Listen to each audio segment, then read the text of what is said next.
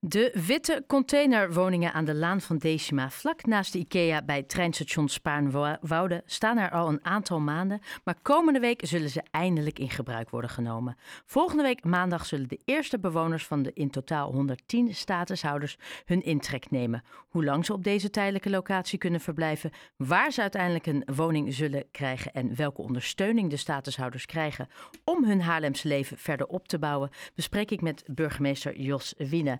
Burgemeester Wiene, goedemiddag. Goedemiddag. Het gaat om uh, nieuwe Haarlemmers. Waar zaten deze statushouders uh, eerst of waar zitten ze nu? Uh, in AZC's. Dus dat zijn opvangplekken bedoeld voor asielzoekers. En de bedoeling is als er een koppeling aangebracht is met een gemeente, dat ze dan naar een gemeente gaan.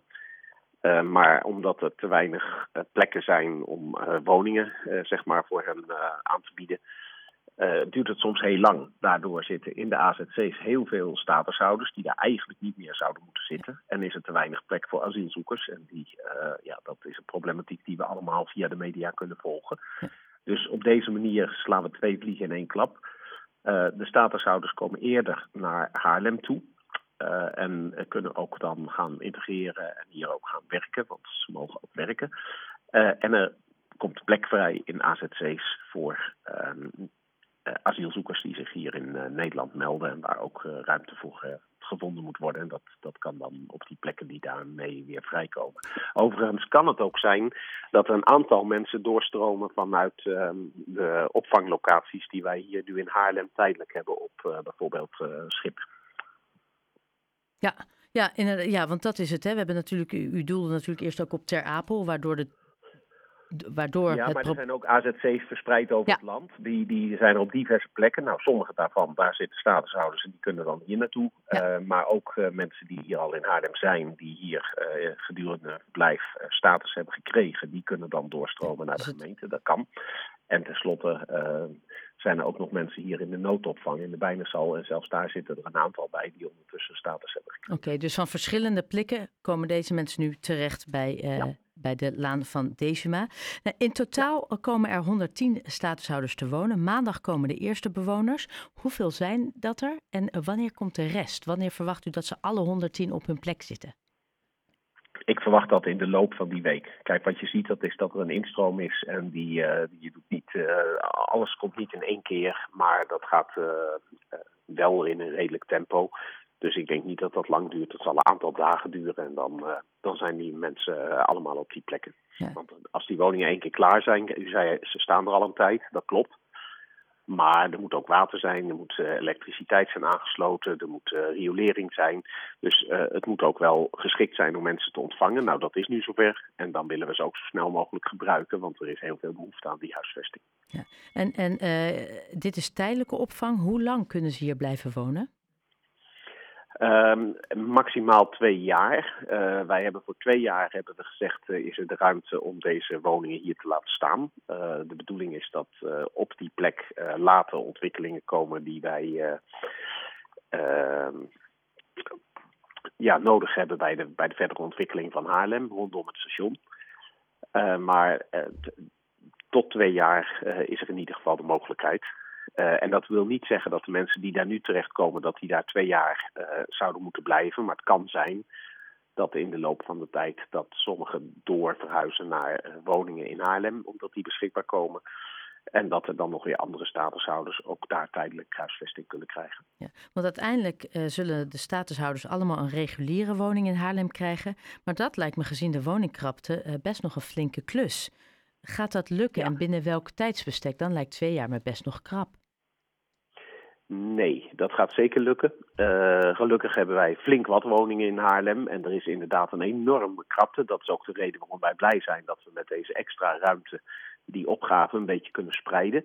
Maar ook de afgelopen tijd. Wij lopen op zich op dit moment in Haarlem uh, lopen wij uh, al voor op onze taakstelling. Iedere gemeente in Nederland heeft eenzelfde taakstelling. Dat wil zeggen gerelateerd aan het inwonertal.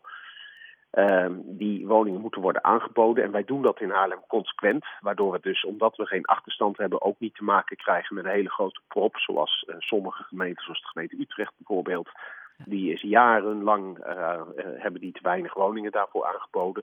Ja, dan hoopt het zich op en dan op een gegeven moment nemen ze heel rigoureuze maatregelen. Dat hoeven we in Haarlem niet te doen. Um, wij hebben de mensen telkens uh, woningen aangeboden. Dus dat betekent dat we ook nooit boven een percentage van 5, maximaal tegen de 10% op de toppen van de woningen die vrijkomen in de richting van deze statushouders gaan. Wat er nu gebeurt, dat is dat wij, doordat we de mensen nu versneld laten komen, laten we ze al hier in Haarlem verblijven.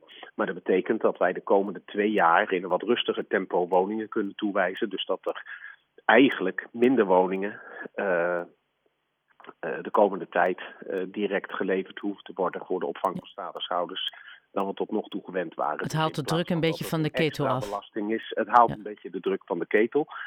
Want ze tellen uiteindelijk ook gewoon mee bij onze huisvestingsopgave. Ja. Dus dat betekent dat wij de komende uh, twee jaar in principe minder uh, gewone instroom van buiten hebben. En dat het een deel gaat om doorstroom van mensen die nu in die uh, tussenwoningen zitten of in die tijdelijke woningen.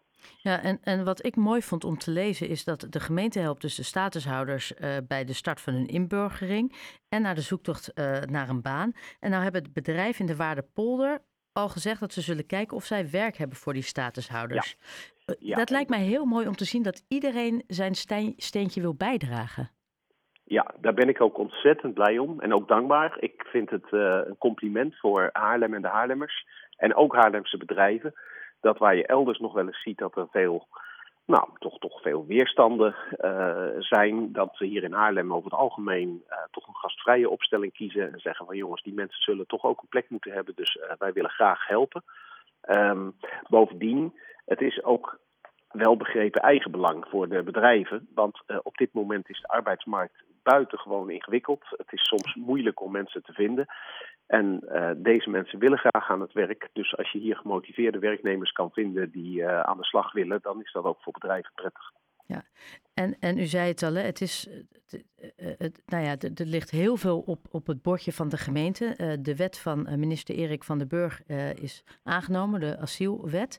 dit ja. betekent dat alle gemeenten naar RATO ook uh, vluchtelingen zullen moeten opnemen. Nou, Haarlem is hierin al een uh, voorloper. Uh, zullen jullie nog meer vluchteling, vluchtelingen opnemen? Of is, geldt deze eigenlijk niet meer voor jullie omdat jullie hier al aan voldoen? Nee, als het gaat om statushouders, dan lopen wij eigenlijk voor op onze taakstelling.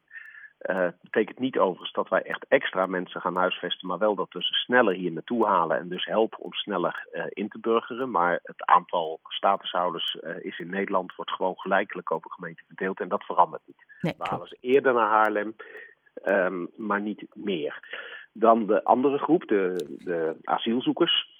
Daar loopt het Rijk in vast, want die moet daar zorgen voor de huisvesting. Dat lukt niet meer, daarom is die wet ingediend. Die is nog niet aangenomen overigens, maar er lijkt de meerderheid... Nou, VVD is in ieder geval nu akkoord met het Precies. voorstel van de minister. Dat dus scheelt dat al. Dat gaat straks, da, zeker, dus dat gaat straks waarschijnlijk aangenomen worden. Dus dan uh, is dat wet.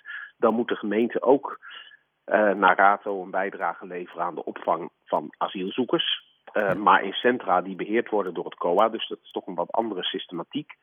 En die mensen hoeven ook niet later in de gemeente Haarlem terecht te komen. Dat kan wel, maar dat hoeft niet. Um, wat er gebeurt, dat is dat wij op dit moment ons aandeel leveren door tijdelijke plekken aan te bieden. Bijvoorbeeld in de Bijnershal, bijvoorbeeld op een schip wat we hebben liggen. Uh, en wat wij um, gaan aan het doen zijn, dat is uh, inventariseren.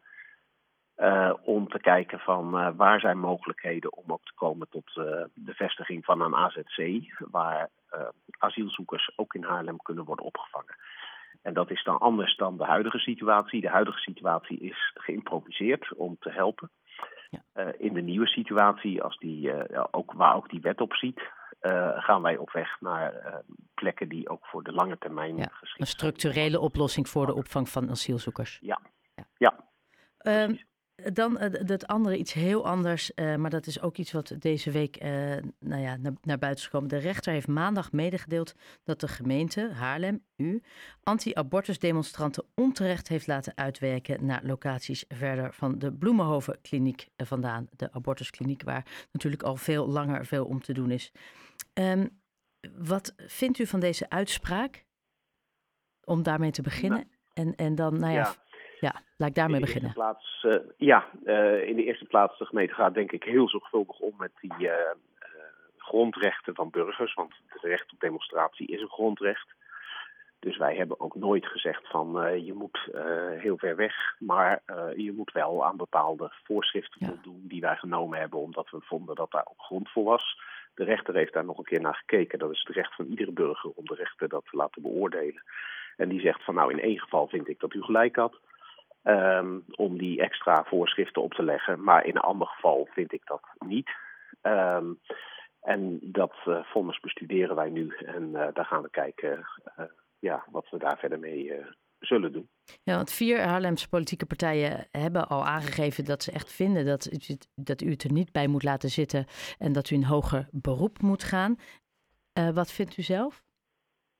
Is dat nou, een optie, dat hoger beroep? Als je denkt, natuurlijk, iedereen die uh, bij een rechter een uitspraak heeft, kan daarover in hoger beroep gaan. Maar uh, dat doe je over het algemeen als je de zaak bestudeerd hebt en gekeken hebt. Dan denk je dat dat uh, waarschijnlijk tot iets leidt. Of zijn er andere wegen om misschien te bereiken wat je wilt. Uh, dus ik bestudeer dat en daar kom ik daarna op terug. Oké, okay. dank u wel voor uw tijd, burgemeester Wiene van Haarlem. Fijne avond nog. Graag gedaan. Ja hoor, dag.